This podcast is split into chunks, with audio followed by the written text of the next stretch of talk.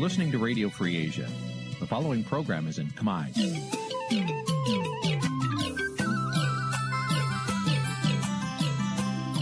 នេះជាកម្មវិធីផ្សាយ Vuthu Azizi Serai នេះជាកម្មវិធីផ្សាយរបស់ Vuthu Azizi Serai ជាភាសាខ្មែរ Vuthu Azizi Serai សូមស្វាគមន៍លោកអ្នកនាងទាំងអស់ពីរដ្ឋធានី Washington នៃសហរដ្ឋអាមេរិក សាយផ្ទាល់ពីរដ្ឋធានី Washington នាងខ្ញុំសុជីវីសូមជម្រាបសួរលោកនាងកញ្ញាដែលកំពុងតាមដានការផ្សាយរបស់ Vuthu Azizi Serai ទាំងអស់ជាទីមេត្រីចា៎យើងខ្ញុំសូមជូនកម្មវិធីផ្សាយសម្រាប់យប់ថ្ងៃព្រហស្បតិ៍15កើតខែអាសត់ឆ្នាំឆ្លូវត្រីស័កពុរសករាជ2565ចាប់ត្រូវនៅថ្ងៃទី21ខែតុលាគ្រិស្តសករាជ2021ចាជាដំបូងនេះសូមអញ្ជើញលោកអ្នកនាងស្ដាប់ព័ត៌មានប្រចាំថ្ងៃដែលមានមេត្តាដូចតទៅ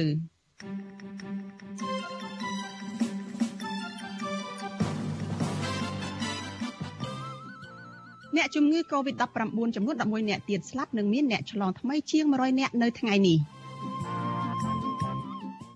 ខ្មែរនៅក្រៅស្រុកនិងគណៈបកប្រឆាំងចាប់ផ្ដើមប្រពខួប30ឆ្នាំនៃកិច្ចព្រមព្រៀងសន្តិភាពទីក្រុងប៉ារីលោកសំរងស៊ីអំពីវនេះដល់ពិភពលោកកុំឲ្យទទួលស្គាល់អត្តផលឆ្នោតដែលមិនស្របតាមកិច្ចព្រមព្រៀងសន្តិភាពទីក្រុងប៉ារី បរដ្ឋនៅខេត្តកំពង់ស្ពឺប្រមាណ150នាក់លើគ្នាតវ៉ាបញ្ឈប់ការឈូសឆាយដីព្រៃសហគមន៍ដែលនៅសល់ចុងក្រោយរួមនឹងព័ត៌មានផ្សេងៗមួយចំនួនទៀត។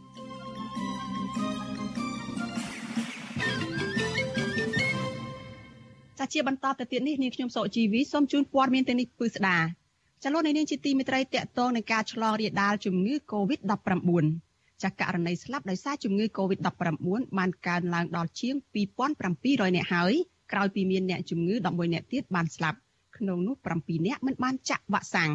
ចំណែកករណីឆ្លងថ្មីវិញក្រសួងសុខាភិបាលប្រកាសថាមានជាង100នាក់ដែលជាលទ្ធផលបញ្ជាក់ដោយម៉ាស៊ីនពិសោធន៍ PCR ប៉ុន្តែតួលេខនេះមិនបានរាប់បញ្ចូលលទ្ធផលនៃការពិនិត្យតាមឧបករណ៍តេស្តរហ័សឬ Rapid Test នោះទេ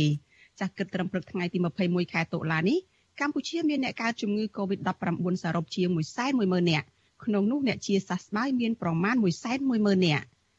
ចាស់ក្រសួងសុខាភិបាលប្រកាសថាគិតត្រឹមថ្ងៃទី20ខែតុលាម្សិលមិញនេះរដ្ឋាភិបាលចាក់វ៉ាក់សាំងជូនពលរដ្ឋដែលគ្រប់អាយុនោះបានជាង99%នៅក្នុងចំណោមអ្នកដែលត្រូវចាក់សរុប10លាននាក់ចាចំណែកកុមារនិងយុវជនដែលមានអាយុចាប់ពី6ឆ្នាំដល់17ឆ្នាំវិញក្រសួងបញ្ជាក់ថាចាក់វ៉ាក់សាំងបានជាង3លាន6សែននាក់នៅក្នុងចំណោមអ្នកដែលត្រូវចាក់សរុបជិត4លាននាក់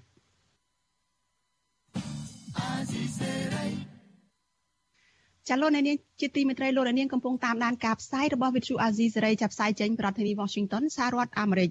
ចាលោកសំរងស៊ីប្រធានស្ដីទីគណៈបកសង្គ្រោះជាតិអំពីវនីវដល់ពិភពលោកកុំឲ្យទទួលស្គាល់លទ្ធផលឆ្នោតនៅពេលខាងមុខនេះប្រសិនបើការបោះឆ្នោតនោះនៅតែគ្មានវត្តមានគណៈបកប្រឆាំងចូលរួមនិងមិនស្របតាមអ្វីដែលបានកំណត់នៅក្នុងកិច្ចព្រមព្រៀងសន្តិភាពទីក្រុងប៉ារី ចាតំណាងគណៈបកកណ្ដាលអំណាចចាត់ទុកថាការអំពាវនាវនេះគឺគ្មានអធិបុលអ្វីឡើយប៉ុន្តែអ្នកវិភាគនយោបាយយល់ថាសហគមន៍អន្តរជាតិនៅតែមានតួនាទីសំខាន់នៅក្នុងការចូលរួមដោះស្រាយបញ្ហាជាប់គាំងនយោបាយនៅកម្ពុជាចាសសូមស្ដាប់សេចក្តីរាយការណ៍របស់លោកទីនសការីយ៉ាអំពីរឿងនេះលោកសំរងស៊ីដែលកំពុងតែរស់នៅប្រទេសបារាំង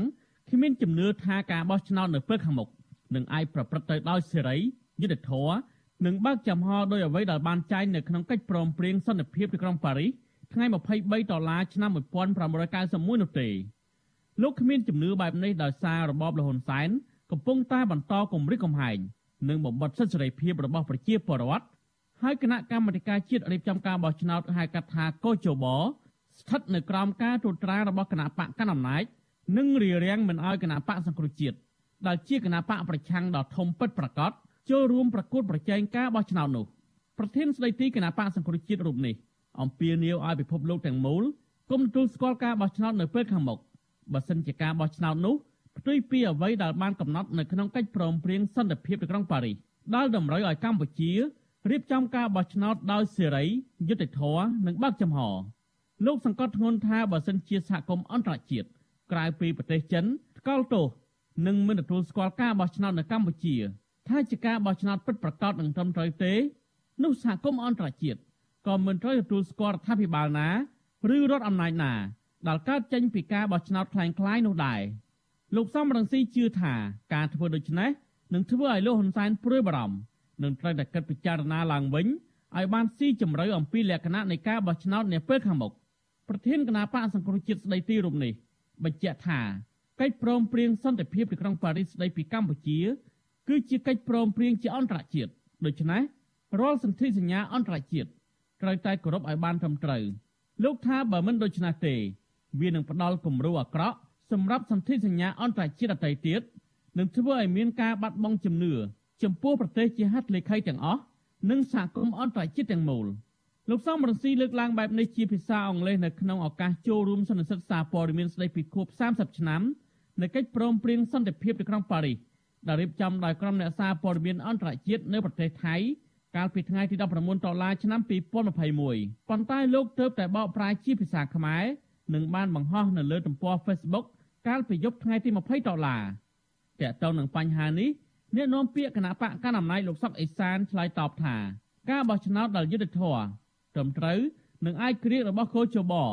មិនអាស្រ័យលើការលើកឡើងរបស់លោកសំរងស៊ីនោះទេលោកបន្តថាលោកសំរងស៊ីលើកឡើងបែបនេះ ព្រោះលោកចង់ចូលរួមការបោះឆ្នោត។ យើងនិយាយតែចំណុចមួយទេគាត់រាវនាវកន្លងទៅថាមានការឈ្លានពានពីវៀតណាមពីចិនអីបាត់បង់ទឹកដីកម្ពុជាអស់ហើយទោះតាតើអត្តលេខីទាំង18ប្រទេសនិងអង្គការសហជីវជាតិគេមានយកចិត្តទុកដាក់ក៏ប្រជុំទេក៏ប្រជុំកិច្ចព្រមព្រៀងប៉ារីប្រហែលដងហើយតាំងពី30ឆ្នាំមកហើយនឹងវាអត់មាននរណាយកចិត្តទុកដាក់ទេអញ្ចឹង2018កន្លងទៅនេះគាត់ប្រកាសមិនអោយគេទទួលស្គាល់លទ្ធផលរបស់ឆ្នោតក៏ប៉ុន្តែមមានប្រទេសណាដែលអត់ទទួលស្គាល់លទ្ធផលរបស់ನಾವುទាំងអាមេរិកក៏ដោយទាំងមហាអំណាចមួយចំនួនក៏ដោយនៅតែមានតំណែងតំណងការទូតជាមួយរាជរដ្ឋាភិបាលផ្ទុយពីការលើកឡើងរបស់លោកសុកអេសាននេះសហគមន៍ជាតិនិងអន្តរជាតិនិយមប្រជាធិបតេយ្យរួមមានសារ៉ាអាមេរិកនិងសហភាពអឺរ៉ុបផងធ្លាប់បានថ្កោលទោសការបោះឆ្នោតឆ្នាំ2018នោះម្ដងរួចមកហើយដោយសារតែអវត្តមានបកប្រឆាំងសហគមន៍អន្តរជាតិបានចាត់ទុកថាការបោះឆ្នោតនោះคล้ายៗ និងជាការសម្លាប់លទ្ធិប្រជាធិបតេយ្យនៅកម្ពុជាដោយសារតែគណៈបកប្រឆាំងធំជាងគេគឺគណៈបកសង្គ្រោះជាតិត្រូវបានរបបលហ៊ុនសែនរំលាយចោលនៅមិនដល់មុនមួយឆ្នាំនៃការបោះឆ្នោតនោះលើសពីនេះទៀតសហភាពអឺរ៉ុបនិងអាមេរិកក៏បានដាក់ទណ្ឌកម្មសេដ្ឋកិច្ចលើប្រទេសកម្ពុជានិងដាក់ទណ្ឌកម្មជាលក្ខណៈបុគ្គលលើក្រុមមេដឹកនាំរបបលហ៊ុនសែនព្រមទាំងផ្ដាច់ជំនួយដល់កោជបទៀតផងមកទល់ពេលនេះក្រុមប្រទេសប្រជាធិបតេយ្យធំធំ នៅតែបន្តជំរុញនិងប្រមានទុកជាមុនឲ្យរបបលហ៊ុនសែនស្ដារលទ្ធិប្រជាធិបតេយ្យនិងគោរពសិទ្ធិមនុស្សហើយរៀបចំការបោះឆ្នោតដោយសេរីត្រឹមត្រូវនិងយុត្តិធម៌ឡើងវិញដោយមានការចូលរួមពីគណៈបកសង្គ្រោះជាតិជំវិញនឹងរឿងនេះអ្នកឆ្លងជ្រាវផ្នែកអភិវឌ្ឍសង្គមបណ្ឌិតសេនស៊ូរីមើលឃើញថាសហគមន៍អន្តរជាតិនៅតែដើរតួនាទីសំខាន់និងនៅតែព្យាយាមជួយដោះស្រាយបញ្ហាជាប់កែនយោបាយនៅកម្ពុជា ទោះជាណាលោកចង់ឃើញគណៈបកកណ្ដាលអំណាចនិងគណៈបកប្រឆាំងគួរតែថយមួយជំហានម្នាក់ដើម្បីវិលទៅជួបជជែកគ្នាបញ្ចប់ចំនួននយោបាយរ៉ាំរ៉ៃឡើងវិញសម្រាប់ជាប្រយោជន៍ជាតិនិងប្រយោជន៍ប្រជាពលរដ្ឋទាំងមូល។ កត្តាវាស់វែងតាក់ទងទៅនឹងការទទួលស្គាល់ទៅលើការបោះឆ្នោតឆ្នាំ2022-2023ការទទួលស្គាល់ពីអន្តរជាតិវាជារឿងមួយសំខាន់ក៏ប៉ុន្តែការយកសេចក្ដីករនៃការចូលរួមបោះឆ្នោតរបស់ពលរដ្ឋក៏ជាផ្នែកមួយសំខាន់ដែរហើយអ្វីដែលសំខាន់នោះគឺបរិយាកាសនយោបាយការគោរពសិទ្ធិមនុស្សជាតបតៃអីហ្នឹងអញ្ចឹងតលតែភាគីអ្នកដែលមានកម្លាំងនយោបាយទាំងពីរហ្នឹងដកឃ្លាម្នាក់មួយចំហៀនភាគីដែលកាន់អំណាចកាន់រដ្ឋាភិបាលបទូបថយធ្វើម៉េចធានាទៅលើបរិយាកាសនយោបាយដែលអាចមានការប្រកួតប្រជែងដោយសេរីនិងយុត្តិធម៌ហើយដៃគូមួយចំហៀងទៀតដែលកំពុងតែប្រកួតប្រជែងអំណាចហ្នឹងគឺបថយសារនយោបាយដែលមានលក្ខណៈចាក់ដោតបង្កើតនៅការឈឺចាប់កម្រិតបុគ្គលកាលពីខែកក្កដាកន្លងទៅក្រុមអង្គការសង្គមស៊ីវិលចំនួន64ស្ថាប័នបានរួមគ្នាទាមទាររដ្ឋាភិបាលលហ៊ុនសែនធានាឲ្យបាននៅលក្ខខណ្ឌអបបរមា6ចំណុចដើម្បីឲ្យការបោះឆ្នោតប្រព្រឹត្តទៅដោយសេរីនិងយុត្តិធម៌នៅពេលខាងមុខ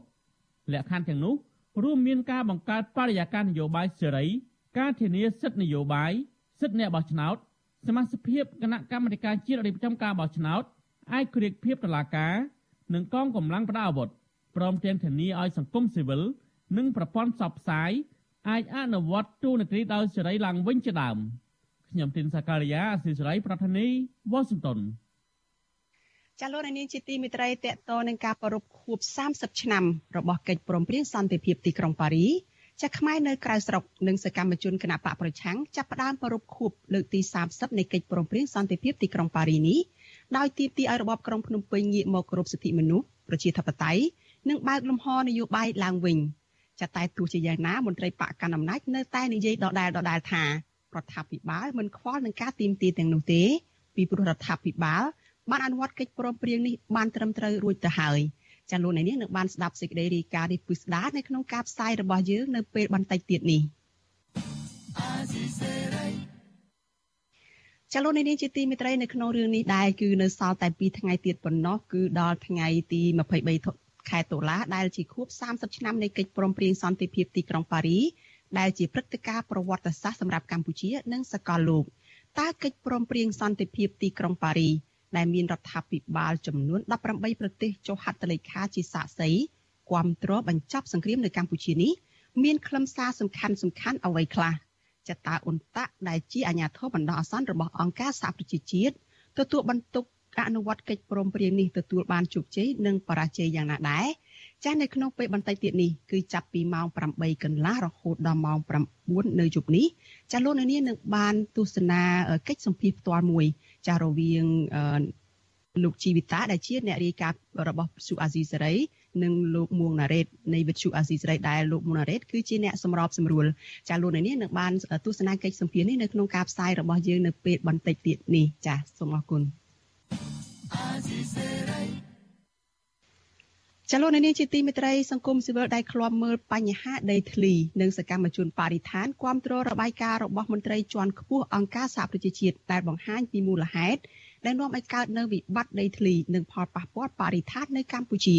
ពួកគាត់ចង់រដ្ឋាភិបាលយករបាយការណ៍នេះទៅសិក្សាផ្ទៀងផ្ទាត់រកការពិតនិងមានវិធានការដោះស្រាយប្រកបដោយតម្លាភាពនិងផ្ដល់ប្រយោជន៍ដល់សង្គមជាតិជាជាងការប្រកែកដោះសារហើយចោទប្រកាន់អ្នករិះគន់បញ្ហានេះ។ ចាប់ពីរដ្ឋធានី Washington លោកសេបណ្ឌិតរាយការណ៍ជុំវិញព័ត៌មាននេះ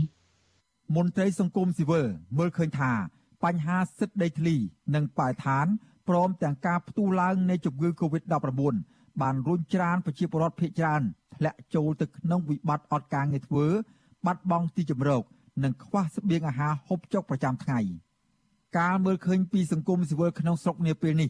គឺស្រដៀងគ្នាទៅនឹងការរកឃើញរបស់អ្នករាយការណ៍ពិសេសនៃអង្គការសហប្រជាជាតិស្ដីពីសិទ្ធិមនុស្សនៅកម្ពុជា លោកវិទិតប៊ុនតបនដែលបានលើកឡើងអំពីកង្វល់មួយចំនួនតាក់ទងនឹងវិបត្តិដីធ្លី និងផលប៉ះពាល់បរិស្ថាននៅកម្ពុជា ដែលកំពុងកើតមានកាន់តែធ្ងន់ធ្ងរខណៈកម្ពុជា បានបើកចំហឲ្យមានការវិនិយោគចូលមកកាន់តែច្រើនជាបន្តបន្ទាប់ប្រធានសមាគមសម្ព័ន្ធកសិករកម្ពុជា លោកថេងសវឿនឲ្យដឹងថា បញ្ហាដីធ្លីនៅតែជាវិបត្តិធំមួយសម្រាប់កសិករដែលធ្វើឲ្យពួកគាត់មិនមានដីគ្រប់គ្រាន់ក្នុងការបង្កបង្កើនផលខណៈសមាជិកគ្រួសារចេះតែមានចំនួនកើនឡើងជាលំដាប់លោកបន្តថាប្រជាពលរដ្ឋក្រីក្រភ័យច្រើនបានคล้ายជាជនរងគ្រោះក្រោយពីមានគម្រោងវិនិយោគឬមានការអភិវឌ្ឍអ្វីមួយពីសំណាក់រដ្ឋាភិបាលនិងក្រុមហ៊ុនឯកជនរបស់អ្នកមានលុយនិងអ្នកមានអំណាច ចូលទៅក្នុងសហគមន៍របស់ពួកគាត់ហើយវិវាទដីធ្លីនេះកើតចេញឡើងដោយសារតែគោលនយោបាយអភិវឌ្ឍនិងគោលនយោបាយផ្ដល់ដីសម្បត្តិសេដ្ឋកិច្ចពីសំណាក់រដ្ឋាភិបាលដោយក្រុមហ៊ុនឈ្មួញអ្នកមានអំណាចហើយក្នុងការរឹបអូសដីធ្លីរបស់កសិករទៅធ្វើជាគម្រោងអភិវឌ្ឍសារកម្មធំធំប្រព័ន្ធធារាសាស្ត្រហើយកន្លែងខ្លះការរុករករ៉ែធ្វើតំបន់សេដ្ឋកិច្ចពិសេសនិងដាំដំណាំកសិឧស្សាហកម្មឯជាដើមភាគច្រើនមានពួកអង្គការជាដើមហើយ វាបានបង្កើតឲ្យមានអឺបញ្ហាជាច្រើនហើយភាគច្រើនអ្នកដែលទទួលបានដីធ្លីគាត់មិនគោរពសិទ្ធិដីធ្លីការគោរពច្បាប់ការផ្ដល់ដំណោះស្រាយការវាតម្លៃផលប៉ះពាល់បរិស្ថានជាដើមធ្វើឲ្យមានដីធ្លីការរំលោភសិទ្ធិមនុស្សអូវឡៃច្រើនឆ្នាំមកប៉ុណ្ណឹងដែរផងដែរបងលោកបន្តថាបច្ចុប្បន្នប្រជាពលរដ្ឋរាប់ពាន់គ្រួសារមិនអាចចូលទៅប្រើប្រាស់ដីធ្លីអាស្រ័យផលលើដីធ្លីរបស់ពួកគាត់បានដោយសពដល់នោះទេ ដោយសារតែកំពុងមានចំនួនជាមួយនឹងក្រុមហ៊ុនបញ្ហាអស់ទាំងនេះបានคล้ายទៅជាបន្ទុកមួយធ្ងន់ធ្ងរបន្ថែមទៀតសម្រាប់កសិករបន្ថែមពីលើការប្រឈមនៃវិបត្តិជំងឺ Covid-19 ហើយបានរុញច្រានពួកគាត់ធ្លាក់ចូលទៅក្នុងវិបត្តិក្រីក្រឬខ្លួនមិនរួចពីមួយឆ្នាំទៅមួយឆ្នាំ ហើយនៅពេលដែលមានបញ្ហាការរំលោភបំពានដីធ្លីយើងឃើញថាច្បាស់ប្រជាពលរដ្ឋគាត់ឡើងធ្វើការតវ៉ាស្វាស្វែងរកដំណោះស្រាយទៅលើបញ្ហាដីធ្លីប៉ុន្តែជាក់ស្ដែងអឺការតវ៉ារបស់គាត់រងនឹងការគំរាមកំហែងការបដិងផ្ដាល់ទៅកាន់ហើយមានសកម្មជនដីធ្លីពិសេសគឺក្រមស្ត្រីភេជ្ជច្រើនហើយនឹងអ្នកការពារសិទ្ធិនោះអ្នកតស៊ូមតិ លើបឋានីគាត់ក៏រងនៅការចាប់ខ្លួនក៏ដូចជាការចោទប្រកាន់តាមសំណាក់ប្រព័ន្ធតឡាការផងដែរការលើកឡើងបែបនេះធ្វើឡើងក្រោយពេលដែលអ្នករាយការណ៍ពិសេសនៃអង្គការសហប្រជាជាតិស្ដីពីសិទ្ធិមនុស្សនៅកម្ពុជា លោកវិទិតមុនតបនបានបង្ហាញក្តីកង្វល់មួយចំនួននៅឯកិច្ចប្រជុំនៅក្នុងក្រុមប្រឹក្សាសិទ្ធិមនុស្សអង្គការសហប្រជាជាតិកាលពីថ្ងៃទី6ខែតុលាកន្លងទៅថា ការប្រកួតប្រជែងដណ្ដើមដីធ្លី និងធនធាននៅក្នុងវិស័យសេដ្ឋកិច្ចដែលកំពុងរីកលូតលាស់គឺជាចំណុចងាយកើតមានចំនួនក្នុងរយៈពេលប្រមាណឆ្នាំចុងក្រោយនេះនិងបង្កទៅជាបញ្ហាប្រឈមដល់ការអភិរក្សព្រៃឈើនិងធនធានធម្មជាតិផ្សេងផ្សេងទៀតទាំងនេះវាបានជាប់ពាក់ព័ន្ធទៅនឹងការបណ្តេញចេញដោយបង្ខំនិងការផ្លាស់ប្តូរទីលំនៅរបស់ប្រជាសហគមន៍ដែលមានប្រាក់ចំណូលទាបនិងក្រមជនជាតិដើមភាគតិច ពលរដ្ឋក្រីក្ររស់នៅក្នុងទីក្រុង កំពុងត្រូវបានគេរុញច្រានឲ្យទៅឆ្ងាយពីតំបន់មានការអភិវឌ្ឍឬជាតំបន់ពាណិជ្ជកម្មអ្នករាយការណ៍ពិសេសនៃអង្គការសហប្រជាជាតិរូបនេះសង្កេតឃើញទៀតថាកំណើនសេដ្ឋកិច្ចក៏ជាការដាក់សម្ពាធលើតំបន់បៃតងដែលនៅសេសសល់បញ្ហានេះបានផ្ដល់នូវផលលំបាកនៅក្នុងការដោះស្រាយព្រោះជាប់ពាក់ព័ន្ធនឹងការត្រួតស៊ីគ្នារវាងដីប្រពៃណីទំនៀមទម្លាប់របស់អ្នកភូមិ និងដីតំបន់ការពាររបស់រដ្ឋសកម្មភាពអាជីវកម្មលើដីទាំងនោះធ្វើឡើងដោយវិស័យធុរកិច្ចคล้ายជាកត្តាជំរុញធ្វើឲ្យប៉ះពាល់ដល់ជីវភាពរបស់ប្រជាសហគមន៍ក្រីក្រមន្ត្រីសម្របសម្រួលគម្រោងធុរកិច្ចនិងសិទ្ធិមនុស្សនៃមជ្ឈមណ្ឌលសិទ្ធិមនុស្សកម្ពុជាហៅកាត់ថា CCHR លោកវ៉ាន់សុផាតថ្លែងថាការរកឃើញនេះជាការឆ្លុះបញ្ចាំងនៅការពិតដែលកំពុងកើតមាននៅក្នុងសង្គមបច្ចុប្បន្ន។ ហើយអញ្ចឹងស្របគ្នានៅពេលហ្នឹងគឺថាកំណើននៃការអភិវឌ្ឍចូលមកយ៉ាងគំហុកក្នុងគណៈដែលប្រព័ន្ធគ្រប់គ្រងដីធ្លីខាងរដ្ឋបាលដីធ្លីហ្នឹងមិនទាន់មានប្រព័ន្ធរឹងមាំនៅឡើយអានេះវាកើតឡើងជាទំនាស់ដីធ្លីដែលកាន់តែកើតមានជាបន្តបន្ទាប់មកហ្នឹងហើយភាគច្រើនអ្នកដែលរងផលប៉ះពាល់ហ្នឹងគឺប្រជាពលរដ្ឋដែលមិនទាន់មានបានកម្មសិទ្ធិអង្គការសិទ្ធិមនុស្សលីកាដូរកឃើញថា ការបំពេញយកដី និងការចាប់ខ្លួនសកម្មជនដេកធ្លីគ្មានការថមថយទេ នៅរយៈពេល2ឆ្នាំនៃអំឡុងពេលឆ្លងជំងឺ Covid-19 អង្គការនេះចេញផ្សាយរបាយការណ៍ជាវីដេអូខ្លីមួយកាលពីថ្ងៃទី17ខែតុលាឆ្នាំ2021ដោយបង្ហាញថារយៈពេល2ឆ្នាំចុងក្រោយនៃអំឡុងពេលរីករាលដាលនៃជំងឺ Covid-19 នេះប្រជាពលរដ្ឋប្រមាណជាង5000គ្រួសាររងផលប៉ះពាល់ពីការបំពានយកដីលើពីនេះ មានសមាជិកសហគមន៍និងសកម្មជនដីធ្លីយ៉ាងតិចណាស់ចំនួន21នាក់ត្រូវបានឃាត់ខ្លួន ហើយក្នុងនោះមាន10នាក់កំពុងជាប់ឃុំឃាំងនៅក្នុងពន្ធនាគារចរន្តនៃការវិនិយោគនៅកម្ពុជានាដំណាក់កាលចុងក្រោយនេះក្រៅពីធ្វើឲ្យកើនឡើង នៅវិបត្តិដីធ្លីជាមួយនឹងប្រជាពលរដ្ឋបញ្ហាដដែលនេះក៏នៅមានកត្តាជាច្រើនទៀតដែលធ្វើឲ្យប៉ះពាល់យ៉ាងខ្លាំងទៅដល់ព្រៃឈើបរិស្ថាន និងជីវៈចម្រុះផងដែរ។ យុវជនជាសកម្មជនបរិស្ថាន លោកសានម៉ាឡាមើលឃើញថា ក្នុងដំណាក់កាលចុងក្រោយនេះលោកមើលឃើញបញ្ហាប្រឈមធំពីរសម្រាប់បរិស្ថាន គឺការកាប់បំផ្លាញព្រៃឈើនៅក្នុងតំបន់ព្រៃការពារនិងការអភិវឌ្ឍដោយលុបបង្ធម្មជាតិសំខាន់សំខាន់ក្នុងតំបន់ទីក្រុង ដើម្បីសាងសង់អគារពាណិជ្ជកម្មនិងផ្ទះល្វែងលក់លោកថាការអភិវឌ្ឍដោយលុបបង្ធម្មជាតិនេះរដ្ឋាភិបាល និងក្រមអ្នកវិនិយោគ អាចមើលឃើញពីផលចំណេញក្នុងរយៈពេលខ្លីប៉ុន្តែពួកគេមិនបានមើលពីផលប៉ះពាល់ក្នុងរយៈពេលយូរអង្វែងនោះឡើយប៉ុន្តែការវិវត្តដែលមើលឃើញតែផលចំណេញរយៈពេលខ្លីបែបហ្នឹងខ្ញុំគិតថាជារឿងដែលមិនអាចទទួលយកបានទេត្បិតមនុស្សនិងមនុស្សមិនឆ្លោះគ្នាប៉ុន្តែការធ្វើបែបហ្នឹងវាប៉ះពាល់ទៅដល់បរិស្ថាននៅក្នុងរយៈពេលវែងលោកវិទិតមុនតបនបង្ហាញថា ការអភិវឌ្ឍដែលជោគជ័យនឹងទទួលបានផលចំណេញទាំងអស់គ្នាលុះត្រាតែមានវិធានការបង្ការដូចជាការពិនិត្យមើលផលប៉ះពាល់និងកាត់បន្ថយហានិភ័យនានា ការសាងសង់និងការធ្វើទំនើបកម្មពាក់ព័ន្ធដែលមិនបណ្ដាលឲ្យប៉ះពាល់ដល់បរិស្ថាន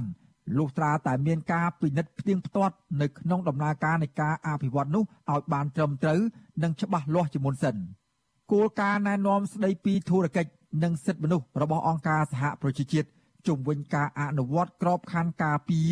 ការគោរពនិងផ្ដល់សំណងត្រូវដាក់ចេញនៅទិសដៅសម្រាប់ការអភិវឌ្ឍដែលគ្រប់គ្នាចង់បាន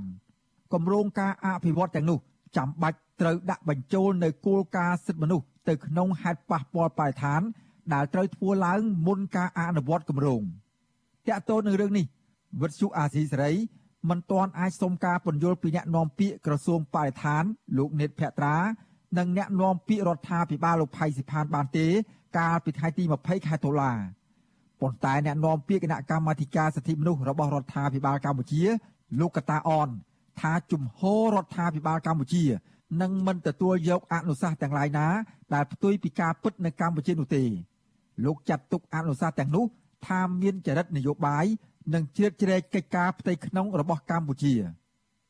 កាលពីខែធ្នូឆ្នាំ2020អតីតអ្នករាយការណ៍ពិសេសអាណត្តិមុនបានផ្ញើលិខិតទៅកាន់អាជ្ញាធរពាក់ព័ន្ធនឹងបញ្ហាចំនួនដីធ្លី រវាងសហគមន៍មូលដ្ឋាន និងអាជ្ញាធរដោយសារតែផលប៉ះពាល់អាជីវកម្មក្នុងការអភិវឌ្ឍការធ្វើពាណិជ្ជកម្មដីធ្លី និងធនធានដែលពាក់ព័ន្ធតំបន់ចំនួនដីធ្លីខ្លះ មាននៅជុំវិញក្រុងភ្នំពេញ និងតាមបណ្ដាខេត្តមួយចំនួនទៀត ដីដែលមានចំនួនទាំងនោះរួមមានដីលិចទឹក ដែលមានតួនាទីយ៉ាងសំខាន់ដល់ប្រព័ន្ធអេកូឡូស៊ីសកម្មភាពទាំងឡាយដែលបណ្ដាលឲ្យខូចខាតរួមមាន ការចាក់ដីលុបបឹងដែលអាចធ្វើឲ្យមានការរិះគន់និងការគំរាមកំហែងនៃទឹកជំនន់ពាក់ព័ន្ធនឹងរឿងនេះអាជ្ញាធរបានឆ្លើយតបទៅអតីតអ្នករាយការណ៍ពិសេសអង្គការសហប្រជាជាតិថាវិធានការបង្ការដូចជាការវិយតម្លៃអំពីផលប៉ះពាល់បរិស្ថាន ត្រូវបានធ្វើឡើង ហើយអាជ្ញាធរក៏បានផ្ដល់ផ្ទះដល់ក្រុមគ្រួសារដែលរងផលប៉ះពាល់ផងដែរពាក់ព័ន្ធនឹងការអះអាងបែបនេះមន្ត្រីសិទ្ធិមនុស្សនិងអ្នកខ្លំមើលបរិស្ថានអះអាងថាវិធានការទាំងនេះឃើញមានតែត្រឹមតែជាគោលការណ៍ប៉ុណ្ណោះប៉ុន្តែការអនុវត្តជាក់ស្ដែងពុំមានឡើយឬក៏មានតិចតួចដែរតាមតំបន់ខ្លះជាលក្ខណៈបង្ក្រប់កិច្ចដោយមិនបានអនុវត្តឲ្យបានពេញលេញនិងមានការចូលរួមពីអ្នកជំនាញឯករាជ្យ និងភាគីដែលរងផលប៉ះពាល់ផ្ទាល់នោះឡើយខ្ញុំបាទសេកបណ្ឌិតវិទ្យុអាស៊ីសេរីពីរដ្ឋធានីវ៉ាស៊ីនតោនចាលោកនាងជាទីមេត្រីពលករខ្មែរជាច្រើនអ្នកនៅតែប្រថុយជីវិតឆ្លងដែនទៅរកការងារធ្វើនៅប្រទេសថៃដោយខុសច្បាប់ពលករអះអាងថាការឆ្លងដែនទាំងប្រថុយប្រឋាននេះដោយសារតែពួកគេមានជីវភាពក្រីក្រ និងគ្មានការងារធ្វើនៅក្នុងស្រុក មន្ត្រីសង្គមស៊ីវិលយល់ថាពលករឆ្លងដែននៅក្នុងអំឡុងពេលនេះអាចប្រឈមនឹងគ្រោះថ្នាក់ជាច្រើនដែលរដ្ឋាភិបាលគួរតែប្រញាប់ដោះស្រាយចាសសូមលោកនាងរងចាំតាមដានព័ត៌មាននេះនៅក្នុងការផ្សាយរបស់យើងនៅពេលបន្តិចទៀតនេះចាលោកនាងកញ្ញាជាទីមេត្រីចាលោកនាងអាចស្ដាប់ការផ្សាយរបស់វិទ្យុអាស៊ីសេរីចាដំណើរគ្នានឹងការផ្សាយតាមបណ្ដាញសង្គម Facebook និង YouTube នេះចាតាមរយៈវិទ្យុរលកធាតុអាកាសខ្លីតាមកម្រិតនិងកម្ពស់ដូចតទៅនេះ ចាប់ពេលព្រឹកចាប់ពីម៉ោង5កន្លះដល់ម៉ោង6កន្លះតាមរយៈរលកធាតុអាកាសខ្លី13715 kHz ស្មើនឹងកម្ពស់ 22m និងពេលយប់ចាប់ពីម៉ោង7កន្លះដល់ម៉ោង8កន្លះតាមរយៈរលកធាតុអាកាសខ្លី9960 kHz ស្មើនឹងកម្ពស់ 30m និង11240 kHz ស្មើនឹងកម្ពស់ 25m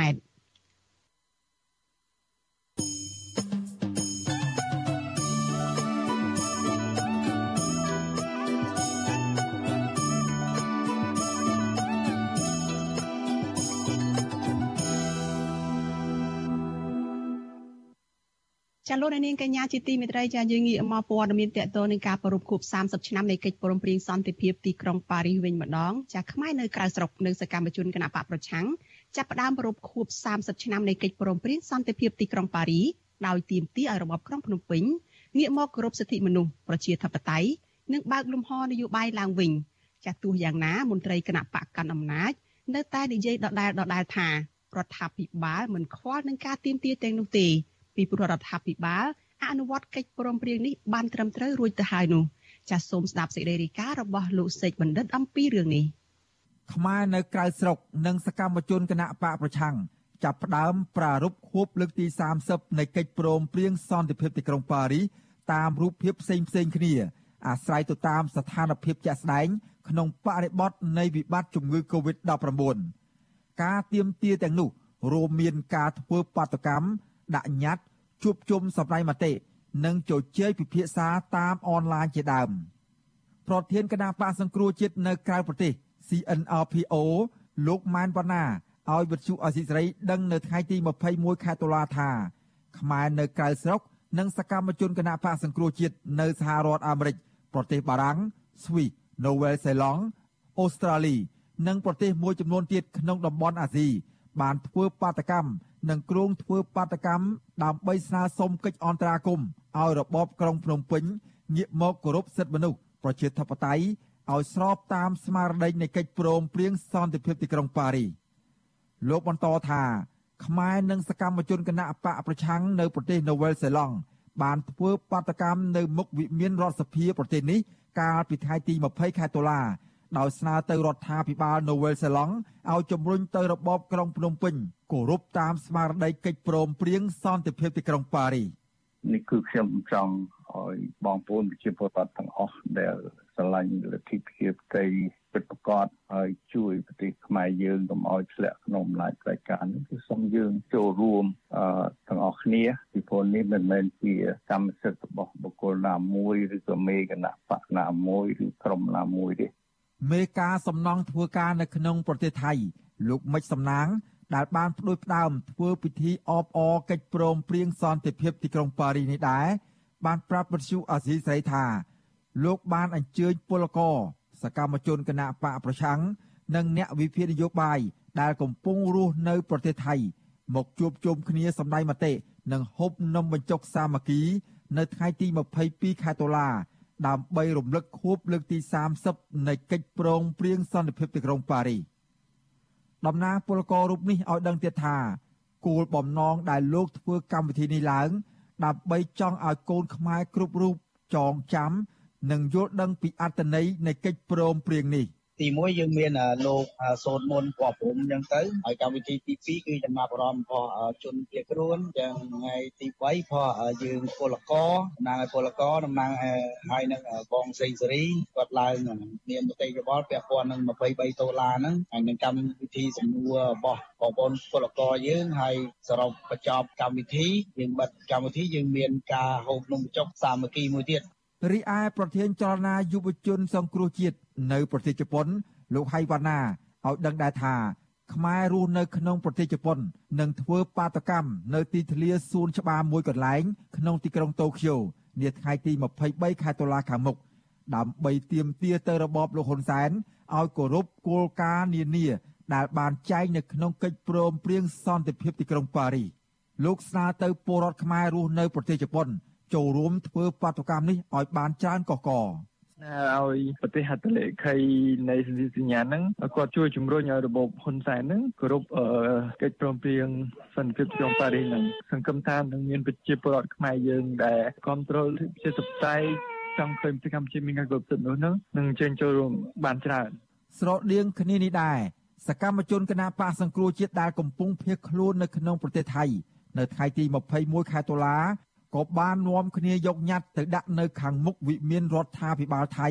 ដោយស្នើឲ្យរដ្ឋាភិបាលប្រទេសនេះជំរុញទៅរដ្ឋាភិបាលលោកហ៊ុនសែនឲ្យគោរពនិងអនុវត្តកិច្ចព្រមព្រៀងសន្តិភាពទីក្រុងប៉ារីសឲ្យបានពេញលេញ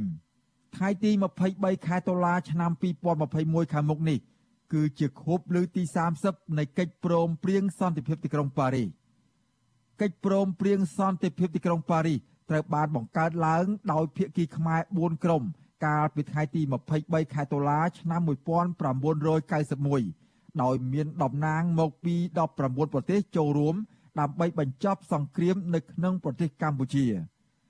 របបក្រុងភ្នំពេញរងការរិះគន់ថាมันបានគោរពតាមស្មារតីនៃកិច្ចព្រមព្រៀងសន្តិភាពទីក្រុងប៉ារីសដោយរំលោភសិទ្ធិមនុស្ស ប្រជាធិបតេយ្យនិងធ្វើឲ្យកម្ពុជាលែងមានរបបដឹកនាំប្រទេសបែបសេរីពហុបកហើយคล้ายជាការដឹកនាំដោយឯកបកតកតូននឹងករណីនេះអ្នកនាំពាក្យគណៈបកប្រជាជនកម្ពុជាលោកសុកអេសាននិយាយថាការធ្វើបាតកម្មឬការសម្ដែងមតិរបស់ខ្មែរនៅក្រៅស្រុកជាសិទ្ធិសេរីភាពរបស់អ្នកទាំងនោះលោកថាការទៀមទានេះ មិនធ្វើឲ្យប៉ះពាល់ឬបង្កបញ្ហាដល់ការដឹកនាំប្រទេសនៃរដ្ឋាភិបាលបច្ចុប្បន្ននេះឡើយលោកអះអាងទៀតថារដ្ឋាភិបាលលោកហ៊ុនសែនបានអនុវត្តកិច្ចព្រមព្រៀងសន្តិភាពទីក្រុងប៉ារីសបានត្រឹមត្រូវហើយលោកចោទប្រកាន់អ្នកដែលថារដ្ឋាភិបាលអនុវត្តកិច្ចព្រមព្រៀងមិនត្រឹមត្រូវថា គឺជាការចោទប្រកាន់ខុសពីការពិត ជាមតិរបស់គាត់យើងមានមតិជាមតិរបស់យើងបញ្ហាសំខាន់ទៅស្ថិតនៅលើការជាក់ស្ដែងទេការដាក់ទណ្ឌកម្មមិនបានផ្សះផ្ទាត់ទៅនឹងការអនុវត្តកិច្ចព្រមព្រៀងទីក្រុងប៉ារីសទេការដាក់ទណ្ឌកម្មមកលើកម្ពុជាដោយជាការដក EVA 20%អីវាគ្រាន់តែជាការលំអៀងខាងនយោបាយកាន់ជើងពួកអាយ៉ងរបស់គាត់តែប៉ុណ្ណោះទោះយ៉ាងណាអ្នកវិភាគនិងមន្ត្រីសង្គមស៊ីវិលរិះគន់ថាបើរបបក្រុងភ្នំពេញអនុវត្តកិច្ចព្រមព្រៀងនេះបានត្រឹមត្រូវ មិនមែនកម្ពុជា មានវិបត្តិនយោបាយធ្ងន់ធ្ងរនឹងត្រូវក្រមប្រទេសលោកសេរីដាក់ទណ្ឌកម្មលើរដ្ឋាភិបាលជាបន្តបន្ទាប់ដោយសពថ្ងៃនេះឡើយអ្នកវិភាគនយោបាយជើងចាស់លោកបណ្ឌិតឡៅម៉ុងហៃមានប្រសាសន៍ថារដ្ឋាភិបាលលោកហ៊ុនសែនអនុវត្តកិច្ចព្រមព្រៀងនេះ បានត្រឹមតែសម្បកក្រៅប៉ុណ្ណោះក្រុមអ្នកជំនាញថាគេដំណើរអវិជ្ជមាននៃការអនុវត្តកិច្ចព្រមព្រៀងនេះមិនបានពេញលេញ កំពុងរុញច្រានកម្ពុជាឲ្យមកគ្រប់គ្រងប្រទេសដោយរបបឯកបកខ្ញុំបាទសេកបណ្ឌិតវិទ្យុអាស៊ីសេរីពីរដ្ឋធានីវ៉ាស៊ីនតោនចាលោកនាងកញ្ញាជាទីមេត្រីចាតកតងនឹងរឿងនេះដែរសកម្មជនគណៈបកសកម្មជនគណៈបកសង្គ្រោះជាតិពលករនិស្សិតថៃសរុបប្រមាណ20នាក់បាននាំគ្នាឈរលើកបដានិងដាក់ញត្តិនៅមុខវិមានរដ្ឋាភិបាលថៃ នៅព្រឹកថ្ងៃទី21ខែតុលានេះដើម្បីស្នើសុំរដ្ឋាភិបាលថៃជួយជំរុញទៅរដ្ឋាភិបាលលោកហ៊ុនសែនឲ្យអនុវត្តកិច្ចព្រមព្រៀងសន្តិភាពទីក្រុងប៉ារី23តុលាឆ្នាំ1991សកម្មភាពបែបនេះធ្វើឡើងពីថ្ងៃមុនការមកដល់នៃខួប30ឆ្នាំនៃកិច្ចព្រមព្រៀងសន្តិភាពទីក្រុងប៉ារី23តុលាដែលប្រទេសថៃក៏ជាភាគីហត្ថលេខីមួយផងដែរ។ ចាឥឡូវនេះយើងបានភ្ជាប់ទៅយុវជនគណៈបកសង្គ្រោះជាតិមួយរូបចាគឺលោកសេងមេងប៊ុនរងដែលលោកចូលមកតាមប្រព័ន្ធវីដេអូ Skype ដើម្បីឲ្យគាត់រៀបរាប់បន្ថែមអំពីការដាក់ញត្តិទៅរដ្ឋាភិបាលនៅថ្ងៃនេះចាសូមជម្រាបសួរលោកប៊ុនរងចាបាទសូមជម្រាបសួរពុកម៉ែបងប្អូនទាំងអស់គ្នាហើយនិងសូមជម្រាបសួរទៅដល់វិទ្យុអសេសរីផងដែរចា ប៊ុនរងតើការដាក់ញត្តិនៅព្រឹកនេះមានស្ថានភាពយ៉ាងម៉េចខ្លះមានការទៅឈរលើកបដាមានអីយ៉ាងម៉េចអាចរៀបរាប់បន្ថែមពីស្ថានភាពទូទៅនៅព្រឹកនេះបានទេចាសូមជឿ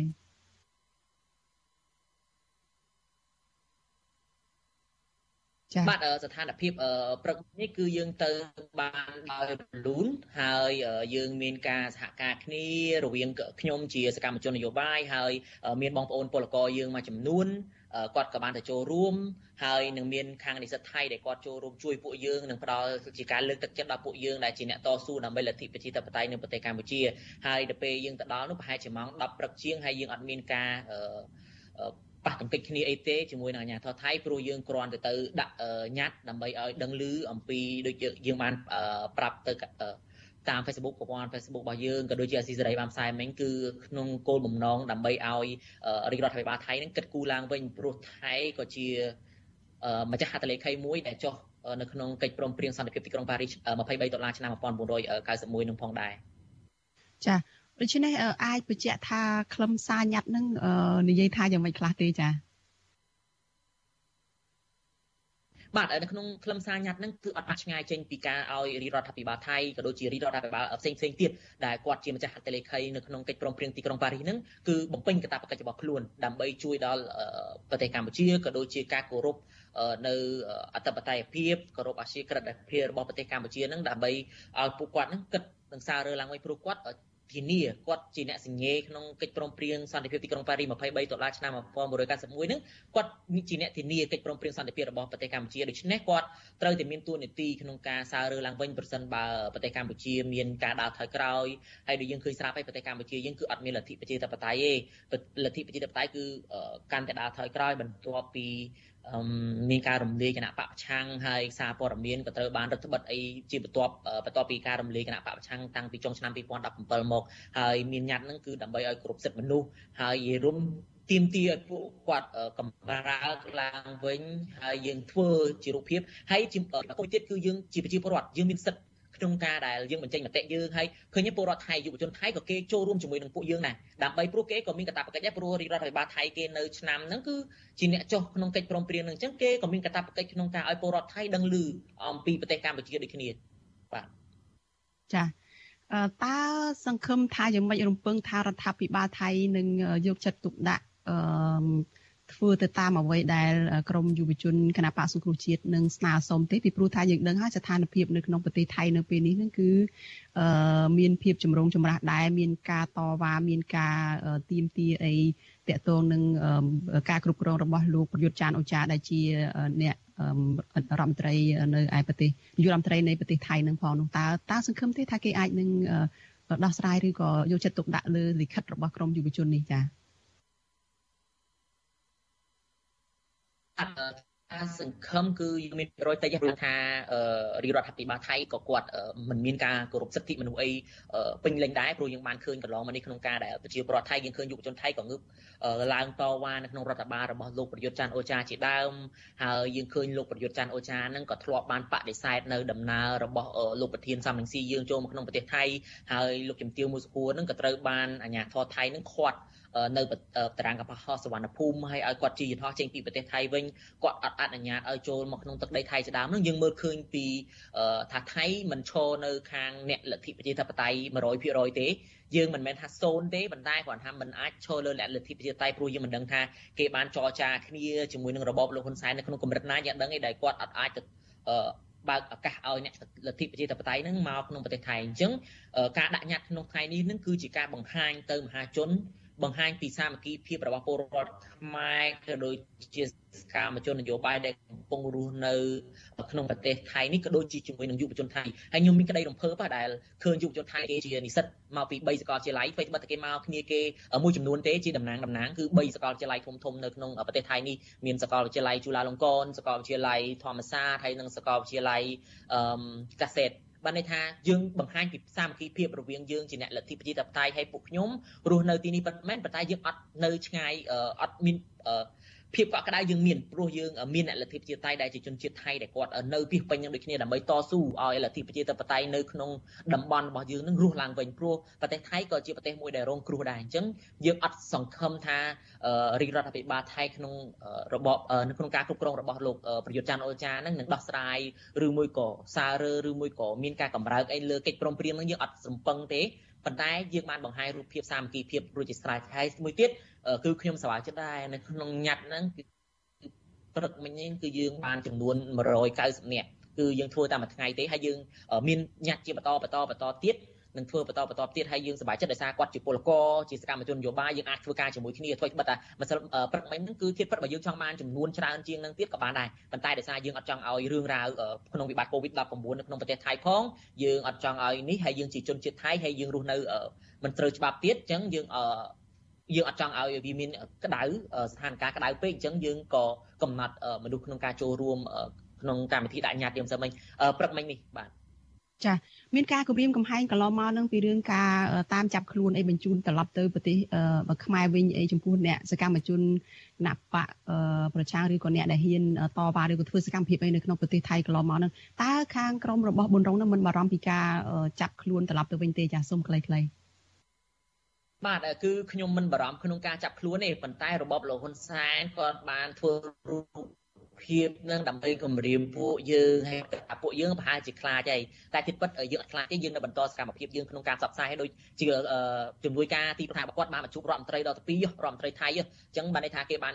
និយាយគេដឹងពីកម្លាំងរបស់ពួកយើងគេដឹងអំពីការធ្វើការរបស់ពួកយើងអញ្ចឹងបានន័យថាគេបានធ្វើសកម្មភាពដើម្បីគម្រាមពួកយើងដើម្បីកុំឲ្យធ្វើសកម្មភាពផ្សេងផ្សេងតែថ្ងៃនេះក៏បានបង្ហាញប្រាប់ទៅរបបលោកហ៊ុនសែនថាពួកយើងអត់នៅស្ងៀមទេពួកយើងជាអ្នកជាតែបតៃយើងមានការងារយើងបន្តទៅមុខទៀតរហូតបាទ ចាអរគុណច្រើនសេមីមុនរងចាដែលបានផ្ដល់ការសម្ភាសន៍នៅយុគនេះចាសូមជម្រាបលាត្រឹមប៉ុណ្ណេះហើយជូនពរសុខភាពល្អចាបាទសូមអរគុណហើយសូមជម្រាបលាពុកម៉ែបងប្អូនត្រឹមនេះដែរអរគុណច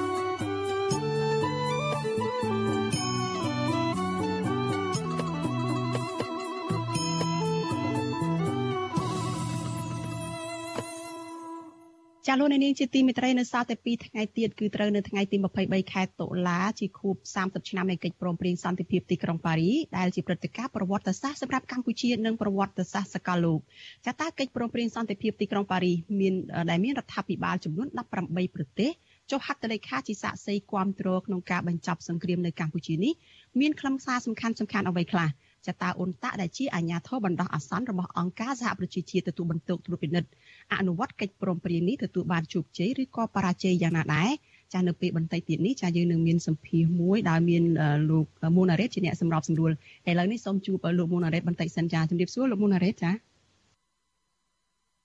ចាលោកមូណារ៉េតតើលោកនឹងលើកយកអ្វីខ្លះមកជជែកពិភាក្សាជាកិច្ចសម្ភាសរវាងអ្នកយកព័ត៌មានអាស៊ីសេរីរវាងលោកមូណារ៉េតនិងលោកជីវិតានៅពេលបន្តិចទៀតនឹងចា៎ បាទសូមជម្រាបសួរអ្នកស្រីសុជីវីហើយជម្រាបសួរលោកនាងម្ដងទៀតតាមពិតទៅនៅក្នុងរាត្រីនេះ គឺជាខួប30ឆ្នាំនៃកិច្ចព្រមព្រៀងសន្តិភាពទីក្រុងប៉ារីផងហើយមានប្រជាពលរដ្ឋខ្មែរជាច្រើនក៏ឆ្ងល់ថាតើកិច្ចព្រមព្រៀងនេះ30ឆ្នាំនឹងនៅមានសុពលភាពដែរឬយ៉ាងណាខ្លឹមសារលម្អិតនោះវាយ៉ាងម៉េចហើយឥឡូវនេះតើប្រទេសកម្ពុជានឹងបានដើរប្រឆាចពីគន្លងនៃស្មារតីកិច្ចព្រមព្រៀងទីក្រុងប៉ារីហើយអ្វីដែលជាផលវិបាកនៃការដែលប្រឆាចពីគន្លងនឹងជាដើមដូច្នេះព័ត៌មានលម្អិតទាំងអស់នេះនឹងមាននៅក្នុងកិច្ចពិភាក្សារយៈពេល30នាទីចាប់ពីម៉ោង8កន្លះដល់ម៉ោង9នារាត្រីនេះហើយលោកនាងចាំតាមដានទស្សនានៅកិច្ចពិភាក្សាជាមួយនឹងនាយការព័ត៌មានរបស់យើងមួយរូបទៀតគឺលោកជីវិតាបាទចាអរគុណច្រើនចាលោកនាងនឹងបានជួបលោកមូណារ៉េតនិងលោកជីវិតានៅពេលបន្តិចទៀតនេះចាសូមអរគុណបាទអរគុណជំរាប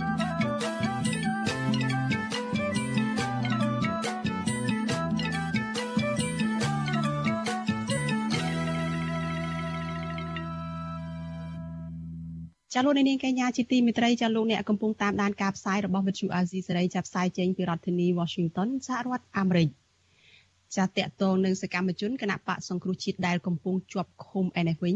ចាប្រពន្ធរបស់សកម្មជនបកប្រឆាំងដែលប្តីនឹងកូនកំពុងតែជាប់ពន្ធនាគារគឺអ្នកស្រីព្រំចន្ទថាឲ្យអាស៊ីសេរីដឹងនៅថ្ងៃទី21ខែតុលាថាកូនប្រុសរបស់លោកស្រី គឺក្មេងប្រុសកសវណ្ណឆៃនោះកំពុងតែប្រឈមនឹងបញ្ហាសុខភាពទ្រុឌទ្រោមខ្លាំង លោកស្រីព្រំចន្ទថាឲ្យដឹងនៅមុនការផ្សាយនេះបន្តិចថាលោកស្រីបានទៅសួរសុខទុក្ខកូនប្រុសកសវណ្ណឆៃនៅពន្ធនាគារម2នៅថ្ងៃទី21ខែតុលានេះលោកស្រីបញ្ជាក់ថាកសវណ្ណឆៃមានសុខភាពស្គមស្លេកស្លាំងកើតកមរមាស់លើដងខ្លួនដៃនិងគ្មានទឹកងូតអ្នកស្រីបន្ថែមថាស្ថានភាពជំងឺរបស់កសវណ្ណឆៃនេះគឺធ្ងន់ធ្ងរនិយាយលែងដឹងខុសត្រូវថែមទៀតផង ហើយរូបរាងគាត់មើលទៅឃើញតែច្បោះនឹងភ្នែកសាច់ឈាមឲ្យអស់លលិញបងគាត់មានទឹកមុជទេក្នុងនោះគេរួមទៅអត់មានទឹកមុជហើយនិយាយទៅកង្វះទឹកមុជកង្វះទឹកស្អាតហើយជាពិសេសគឺក្រសួងសុខាភិបាលនៃពេទ្យអត់មានព្យាបាលពួកគាត់ឲ្យបាត់កោបរមាស់ទេនិយាយរួមទៅរមាស់ពេញខ្លួនលេះលួយពេញខ្លួនអស់ហើយសំខាន់គឺអនាម័យនិងសុខភាពតែម្ដងខ្ញុំចង់សំណូមពរឲ្យជាពិសេសគឺឲ្យអង្គការនេះកដោគាត់ចូលទៅ វិញបានព្យាបាលពួកគាត់នឹងឆ្នាំសង្កូវមកពេទ្យក្នុងពន្ធនាគារក៏អត់យកចិត្តទុកដាក់ជាមួយនឹងអ្នកទោសឬក៏ក្មេងៗដែលគាត់មិនគាត់គ្រប់អាយុដែលនៅក្នុងនឹងទេទាំងខាងប្រុសទាំងខាងស្រីនិយាយរួមទៅអត់មានតែម្ដងកង្វះអនាម័យកង្វះទឹកកង្វះការហូបចុក ហើយនឹងកង្វះពេទ្យតែម្ដងដល់ពេលអញ្ចឹងអត់យកទៅទុកដាក់ជាមួយកូនខ្ញុំសោះក្រៅប៉ាលីកាដូមួយចាហើយក៏ខ្ញុំអត់ដឹងនិយាយថាមកទេមើលទៅភាពទៅកូនវេទនាខ្លាំងមែនតើហ្មងហើយគាត់កាន់តែទ្រុឌទ្រោមខ្លាំងទៅខ្លាំងទៅឥឡូវហ្នឹងហើយសតិគាត់លែងដឹងអីនិយាយទៅមុខទៅក្រោយចាចាស់ក្មេងប្រុសកសវណ្ណឆៃត្រូវបានអាជ្ញាធររបបលហ៊ុនសែនចាប់ខ្លួនកាលពីថ្ងៃទី24ខែមិថុនាក្រោមបទចោទញុះញង់និងប្រមាថមន្ត្រីសាធារណៈពាក់ព័ន្ធនឹងការបញ្ចេញមតិតាមអនឡាញ ចានៅមុនពេលចាប់ខ្លួនក្មេងប្រុសកសវណ្ណឆៃធ្លាប់ទទួលរងការវាយដំពីសំណាក់ជនមិនស្គាល់ពីអ្នកបណ្ដាលឲ្យស្រាំស្រាំឆ្អឹងលលាក្បាលប្តីរបស់អ្នកស្រីព្រំចន្ទថាគឺជាឪពុករបស់កសវណ្ណឆៃគឺលោកកកគំភាគឺជាសមាជិកគណៈបកសង្គ្រោះជាតិដែលកំពុងជាប់ឃុំនៅពន្ធនាគារដែរលោកត្រូវតុលាការចាប់ខ្លួនកាលពីខែមិថុនាឆ្នាំ2020មកដោយរងការចោទប្រកាន់ពីបទផ្ដើមគំនិតនៅក្នុងអំពើប្រមាថនិងញុះញង់ឲ្យប្រព្រឹត្តបទឧក្រិដ្ឋជាអាត ចារីឯម្ដាយរបស់កុមាររូបនេះជាសកម្មជនស្ត្រីក្រមថ្ងៃសុកគឺលោកស្រីព្រំចន្ទថាក៏តែងតែទទួលរងនឹងការវាយដំនិងការប្រមាថពីសំណាក់កងសន្តិសុខក្នុងអំឡុងពេលដែលពួកគាត់ចេញតវ៉ាដោយសន្តិវិធីទាមទារឲ្យដោះលែងប្តីនិងកូនរួមទាំងសកម្មជនជាប់ឃុំដទៃទៀតចាស់ក្មេងប្រុសកាក់សវណ្ណឆៃមានជំងឺខ្សោយបញ្ញាស្មារតីឬ autism ពីកំណើតលោកស្រីព្រំចន្ទថាអះអាងថា កាក់សវណ្ណឆៃបានសួររកជីដូនដែលបានស្លាប់កាលពីពេលថ្មីថ្មីនេះថាតើមានសុខទុក្ខយ៉ាងណាហើយលោកស្រីបានរៀបរាប់ទាំងទឹកភ្នែកបណ្ដាថាលោកស្រីមិនបានប្រាប់ការពិតថាជីដូនរបស់កាក់សវណ្ណឆៃនោះបានស្លាប់ទៅហើយនោះទេ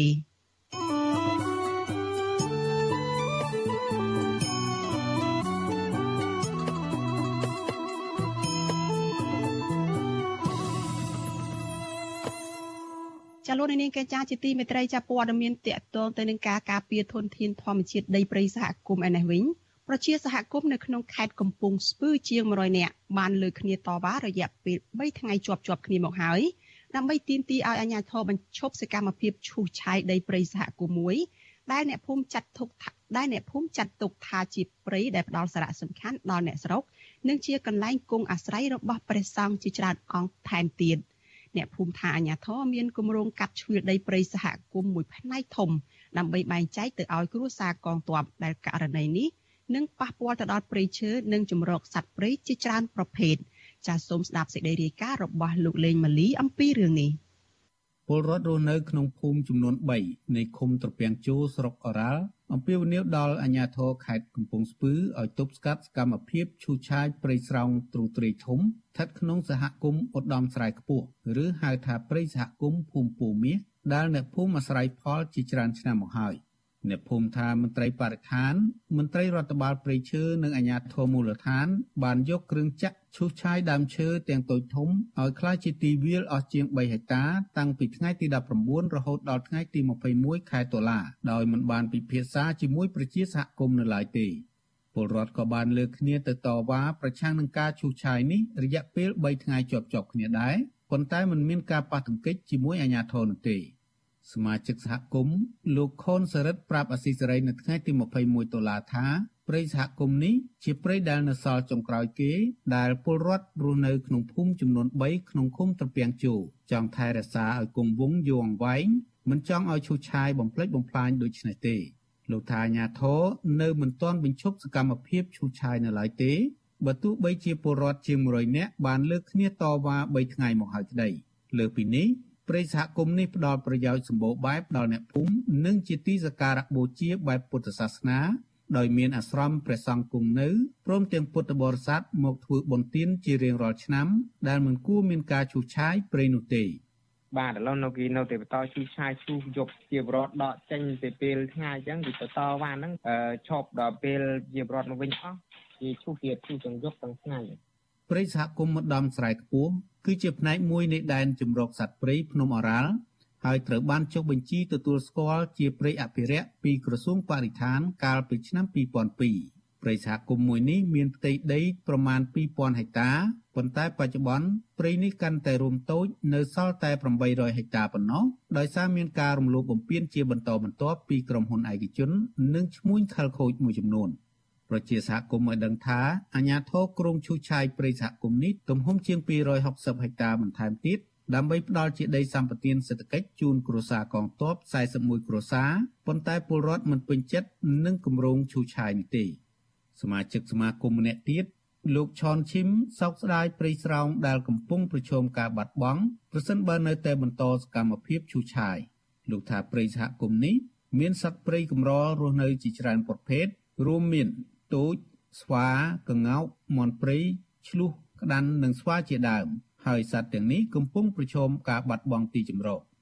ដុំអាស្រមវត្តអាស្រមលោកហ្នឹងគឺមានសត្វសម្បូរបែបនៅច្រើនហើយព្រៃក៏នៅធំធំអាស្រមរបស់លោកនឹងរស់នៅមកហើយចិត្តជា20ឆ្នាំហើយហើយលោកនៅនឹងព្រៃដែលក្បែរក្បែរអាស្រមលោកហើយដីជុំវិញនឹងសត្វព្រៃធំទាំងអស់ហ្នឹងសត្វនៅមាននឹង ខ្លាឃុំមាននឹងទូចមានសត្វមានអីនៅអញ្ចឹងហើយដើម្បីគាត់ស្រ័យផលដូចជាលេងគូលេងក្បីអីក្នុងហ្នឹងបើអស់ព្រៃហ្នឹងទៅគាត់អត់មានកន្លែងណាដែលមើលខ្វៀលគូខ្វៀលអីលេងគូលេងអីទេវិទ្យុអស៊ីសេរីមិនអាចតាក់ទងសុំការបំភ្លឺរឿងនេះពីមេឃុំត្រពាំងជូលោកទេពណែមបាននៅឡើយទេ នៅថ្ងៃទី21ដុល្លារដោយសារទូរស័ព្ទហៅចូលជាច្រើនដង តែគ្មានអ្នកលើកប៉ុន្តែលោកប្រាប់វិទ្យុ VOD ថា ដីដែលអាជ្ញាធរកំពុងធ្វើសកម្មភាពឈូសឆាយនោះមិនស្ថិតក្នុងព្រៃសហគមន៍ទេ គឺជាប់ព្រំប្រទល់ដីសហគមន៍ប៉ុណ្ណោះលោកថាដីនោះរដ្ឋាភិបាលបានចេញអនុក្រឹត្យកាត់ទៅឲ្យគ្រួសារកងទ័ពរួចទៅហើយរីឯអភិបាលខេត្តកំពង់ស្ពឺលោកវ័យសំណាងប្រាប់ពទ្យុអាស៊ីសេរីយ៉ាងខ្លីថាលោកមិនទាន់ទទួលដំណឹងពីសកម្មភាពឈូសឆាយព្រៃសហគមន៍នៅឡើយទេ តែយ៉ាងណាក្តី លោកនឹងចាត់ឲ្យមន្ត្រីជំនាញចុះទៅពិនិត្យមើលរឿងនេះជាមុនសិនមុននឹងធ្វើការដោះស្រាយខ្ញុំឲ្យមន្ត្រីខ្ញុំចុះទៅមើលសិនតើវាយ៉ាងម៉េចអីយ៉ាងម៉េចមានតាន់បានទទួល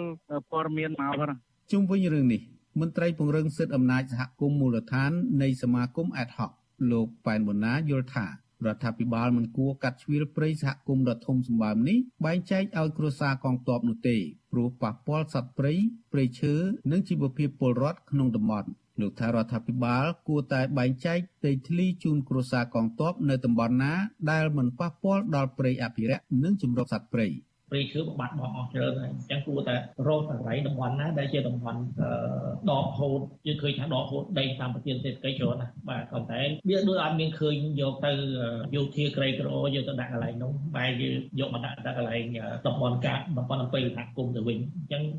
ទៀមទីសូមឲ្យមុខរីរដ្ឋាភិបាលអ្នកដឹកនាំធំធំលើនឹងពិនិត្យមើលប្រជាសហគមន៍បន្ថែមថាកាលពីខែសីហាកន្លងទៅ រដ្ឋាភិបាលបានចេញអនុក្រឹត្យកាត់ជ្រឿលដីព្រៃសហគមន៍ឧត្តមស្រែខ្ពស់មានទំហំជាង260ហិកតាពីដែនជំរកសត្វព្រៃភ្នំអរ៉ាល់ក្នុងភូមិពោមាសឃុំត្រពាំងជោស្រុកអរ៉ាល់ខេត្តកំពង់ស្ពឺដើម្បីបែងចែកជូនគ្រួសារយោធា41គ្រួសារសម្រាប់កសាងលំនៅឋាន និងបង្កបង្កើនផលខ្ញុំបាទលេងម៉ាលីវិទ្យុអស៊ីសេរីរាយការណ៍ពីរដ្ឋធានី Washington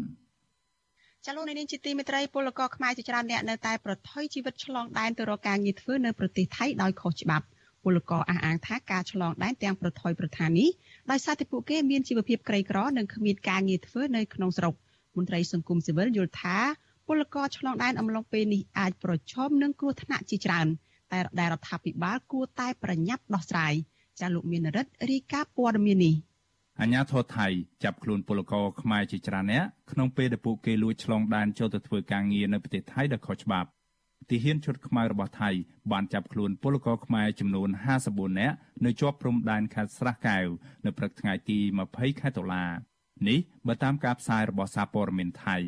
ប្រពន្ធដដែលឲ្យដឹងថាពលករខ្មែរទាំងនោះបានបង់ប្រាក់ឲ្យមេខ្យល់ជនជាតិខ្មែរនិងថៃចន្លោះពី5000ទៅ7000បាតនៅក្នុងម្នាក់ឬស្មើនឹងប្រមាណពី160ទៅជាង200ដុល្លារអាមេរិកដើម្បីជាថ្នូវនាំឆ្លងដែនចូលទៅធ្វើការនៅប្រទេសថៃដោយខុសច្បាប់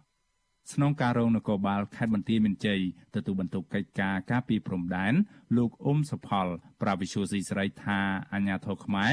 បានទទួលដំណឹងនេះហើយហើយកំពុងតែតាក់ទងទៅខាងភៀកគីថៃដើម្បីនាំពលករខ្មែរទាំងនោះត្រឡប់មកកម្ពុជាវិញលោកបញ្ជាក់ថាក្រុមពលករខ្មែរត្រូវបានមេខ្យល់លួចនាំឆ្លងដែននៅក្នុងពេលដែលសមាជិកខ្មែរកំពុងសម្រាកជ្រកទឹកភ្លៀងវាចន្លោះវាដើរកាត់ព្រៃយើងតែបានសួរតំណាក់តំណងជាមួយប៉ូលីសថៃគាត់ដើរកាត់ព្រៃចាប់ពីខ្មែរយើងទៅហ្មងចន្លោះតែយើងពេលដែលយើងយាមផ្សៀងដៃគាត់ដើរចន្លោះ អស់ហោងឡើយហ្នឹងហើយបាទគាត់គាត់អ្នកភូមិចិត្តហ្នឹងគាត់ឃើញប៉ូលីសយើងតែម៉ោងដាច់ចរាគាត់ចេញមកហើយមេប៉ូលីសផ្កាយមួយរូបនេះបន្តថាចាប់តាំងពីរដូវកាលបុណ្យភ្ជុំបិណ្ឌរួចមក មានពលករខ្មែរជាច្រើនអ្នកបានសម្រុកឆ្លងដែនទៅប្រទេសថៃវិញលោកថាមឡុងពេលនេះយ៉ាងហោចណាស់មានពលករខ្មែរជាង10នាក់ក្នុងមួយថ្ងៃត្រូវបានអាជ្ញាធរខ្មែរចាប់ខ្លួននៅក្នុងពេលដែលពួកគេលួចឆ្លងដែន ពលករខ្មែរម្នាក់ដែលទើបតែឆ្លងដែនទៅដល់កន្លែងធ្វើការនៅទីក្រុងបាងកកលោកលីសុភ័ក្ររៀបរាប់ប្រាវិសុយស៊ីស្រីថាលោកបានបង់ប្រាក់ឲ្យមេខ្យល់ជាជនជាតិខ្មែរចំនួន6000បាតឬស្មើនឹង190ដុល្លារអាមេរិកដើម្បីនាំឆ្លងដែនទៅធ្វើការនៅប្រទេសថៃដោយខុសច្បាប់ពលករវ័យ35ឆ្នាំរូបនេះបន្តថាមូលហេតុដែលលោកឆ្លងដែននៅពេលនេះគឺដោយសារជីវភាពគ្រួសាររបស់លោកក្រីក្រហើយនៅកម្ពុជាមានការងារធ្វើមិនទៀងទាត់ ដូច្នេះហើយលោកក៏សម្រេចចិត្តបថុយប្រឋានឆ្លងដែនចៅប្រពន្ធនិងកូន2នាក់ទៅធ្វើការជាកម្មករសំណង់រកប្រាក់ដើម្បីផ្គត់ផ្គង់ជីវភាពគ្រួសារសំណាងល្អពលករខ្មែររូបនេះចូលទៅដល់ប្រទេសថៃភ្លាមរកបានការងារធ្វើចាប់តាំងពីថ្ងៃទី6ខែតុលារហូតមកបច្ចុប្បន្នលោកធ្វើការជាកម្មករសំណង់នៅកណ្ដាលទីក្រុងបាងកកដោយរកបានប្រាក់ឈ្នួល390បាតឬស្មើនឹងជាង12ដុល្លារអាមេរិកនៅក្នុងមួយថ្ងៃ លោកបញ្ជាក់ថាការដែលលោកធ្វើការបានប្រាក់ឈ្នួលថ្លៃនេះគឺដោយសារតែថៅកែថៃឃើញលោកចេះធ្វើជាជាងសំណង់និងធ្វើការងារបានល្អលោកប្រាប់ថាការធ្វើការនៅប្រទេសថៃ មានការងារធ្វើទៀងទាត់និងបានប្រាក់ច្រើនជាងធ្វើការនៅស្រុកខ្មែរ លោកថាលោកធ្វើការសំណង់នៅកម្ពុជារកបានប្រាក់ឈ្នួលប្រមាណ40000រៀលនៅក្នុងមួយថ្ងៃដែរក៏ប៉ុន្តែជាទូទៅលោកធ្វើការបានប្រហែល2សប្តាហ៍ក្នុងមួយខែដូច្នេះលោករកប្រាក់ចំណូលមិនគ្រប់គ្រាន់សម្រាប់ដោះស្រាយជីវភាពគ្រួសារនោះទេចាប់តាំងពីទៅដល់ប្រទេសថៃមកលោកធ្វើការមិនហ៊ានឈប់សម្រាកនោះទេបើទោះបីជាលោកឈឺក៏ដោយ ព្រោះខ្លាចគ្មានប្រាក់ផ្ញើទៅឲ្យគ្រួសារនៅស្រុកខ្មែរផងនិងសងអ្នកភូមិដែលលោកបានខ្ចីប្រាក់គេឲ្យថ្លៃមេខ្យល់ដើម្បីនាំធ្វើដំណើរទៅប្រទេសថៃផងមកពីខ្មែរគឺឈឺឲ្យទៅធ្វើការម្ដងដូចតាមមកអញ្ចឹងក្រូនក្តៅឈឺអញ្ចឹងដូចអស់ខ្យល់ដើរមកពីមកអីជិះឡានមករហូតរហូតអញ្ចឹងវាហត់ទៅដូចអត់ទៅមានកម្លាំងអញ្ចឹងមកដល់កន្លះថ្ងៃហ្នឹងបែកឡើង ចុះធ្វើទៅមកខ្ញុំអស់ជំរឿនហើយទៅខ្មែរមិនដឹងថាខ្ញុំអត់មានមុខរបរអីរោលក់ដូរអីអត់មានលុយខ្ញុំវាក់ចិត្តថាបងខ្ញុំនៅអត់កើតទេបើសិនខ្ញុំមានអាជីពនៅផ្ទះខ្ញុំអត់មកទេលោកបន្តថានៅកន្លែងធ្វើការជាមួយលោកមានពលករខ្មែរប្រមាណ30នាក់នៅក្នុងនោះពលករ5នាក់ទើបតែត្រឡប់មកពីកម្ពុជាពលកររូបនេះរំពឹងថាលោកនឹងប្រឹងប្រែងធ្វើការងារនៅប្រទេសថៃរយៈពេល1ឆ្នាំយ៉ាងតិច ទើបត្រឡប់ទៅលេងកម្ពុជាម្ដងពីព្រោះលោកចង់សន្សំប្រាក់ឲ្យបានច្រើនដើម្បីឲ្យប្រពន្ធបើកមុខរបរលក់ដូរតូចតាចជួយរកប្រាក់ចំណូលនៅឯស្រុកកំណើតដោយឡែកប្រជាពលករនៅស្រុកអូជ្រៅខេត្តបន្ទាយមានជ័យលោកសូពិសិដ្ឋដែលទើបតែត្រឡប់ពីធ្វើការងារនៅប្រទេសថៃបានជាង2ខែវិញថ្លែងថាចាប់តាំងពីលោកមកដល់កម្ពុជាលោកមិនទាន់បានរកការងារធ្វើបាននៅឡើយទេ កំឡោះចាស់វ័យ37ឆ្នាំរូបនេះថាសប្តាហ៍លោកដើរនេសាទត្រីតាមអូរនិងបឹងបួរក្បែរផ្ទះយកទៅធ្វើម្ហូបដើម្បីកាត់បន្ថយការចំណាយនៅក្នុងគ្រួសារលោកថាគ្រួសាររបស់លោកមានសមាជិកជិត20នាក់ក្នុងនោះកុមារអាយុក្រោម15ឆ្នាំ ជាង10នាក់ផងរស់នៅជុំគ្នាទាំងអស់គ្រួសារដ៏ធំនេះជំពាក់ប្រាក់ស្ថាប័នមីក្រូហិរញ្ញវត្ថុចំនួន30,000ដុល្លារអាមេរិកនៅមិនទាន់សងគេរួចនៅឡើយទេ លោកបន្តថាដំបូងឡើយឪពុកម្ដាយរបស់លោកបានខ្ចីប្រាក់គេតែ8000ដុល្លារយកទៅការប្រពន្ធឲ្យប្អូនរបស់លោកនិងមួយចំនួនទៀតធ្វើជាដើមទុនចិញ្ចឹមជ្រូកកាលពី5ឆ្នាំមុនក៏ប៉ុន្តែអាជីវកម្មនេះបានខាត់ឡងចុងដោយសារអំឡុងពេលនោះសាច់ជ្រូកចុះថោកហើយគ្មានអ្នកទិញក្រោយមកគ្រួសាររបស់លោកមួយចំនួនក៏បាននាំគ្នាទៅធ្វើការនៅប្រទេសថៃដើម្បីរកប្រាក់សងគេក៏ប៉ុន្តែរយៈពេល2ឆ្នាំចុងក្រោយមកនេះ ពួកលោករកប្រាក់មិនបានសងម្ចាស់បំណុលនោះទេដោយសារតែការរាតត្បាតនៃជំងឺ Covid-19 ពលរដ្ឋរស់នៅតំបន់ព្រំដែនរូបនេះចង់វិលត្រឡប់ទៅប្រទេសថៃវិញនៅក្នុងពេលឆាប់ៗខាងមុខនេះដើម្បីជួយរកប្រាក់ឲ្យគ្រួសារដោះស្រាយជីវភាពនិងសងបំណុលគេដាក់មងដាក់អីទៅចងខ្ចៅចេះអានំទេហូបហូបឲ្យទៅរស់រស់សិនទៅបាទដូចគ្នាទាំងអស់គ្មានណានេះមួយទេឥឡូវនេះមិនថាខ្ញុំមិនថាគេបើសិនថាអូមានអ្នកមានអ្នកមានគេឲ្យខ្ចីខ្លះទៅគ្នាទៅទាំង កូនខ្ចីទៅអីទៅថៃទៅអីមើលដូចថ្ងៃមុនអ្នកកូនខ្ចីទៅបានប្រហែលជាមិនដល់មួយឆ្នាំផងកូនខ្ចីនៅបើទៅដោះកូនអីទៅពីអ្នកប្តីពុនដែលកាត់ដប់កាត់ចការដលងលិចផុកលិចអីដេកតាមចការដលងអូវេទនាហ្មង ទាក់ទងនឹងបញ្ហានេះប្រធានអង្គភិបណែនាំពាក្យរដ្ឋាភិបាលលោកផៃសិផានប្រាវិសុវស៊ីស្រីថាការដែលពលករខ្មែរនាំគ្នាឆ្លងដែនទៅធ្វើការនៅប្រទេសថៃនេះមិនមែនដោយសារតែពួកគេអត់ការងារធ្វើនៅក្នុងស្រុកនោះទេ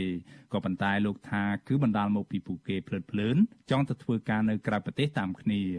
លោកផៃសិផានអំពាវនាវដល់ពលរដ្ឋទាំងអស់ដែលចង់ទៅធ្វើការនៅប្រទេសថៃត្រូវតាក់ទងទៅមន្ត្រីក្រសួងកាងារដែលនៅជិតផ្ទះរបស់ពួកគេដើម្បីជួយសម្រួលធ្វើឯកសារទៅធ្វើការដោយស្របច្បាប់ប្រសើរជាងការឆ្លងដែនតាមរយៈមេខ្យល់ដោយសពថ្ងៃនេះ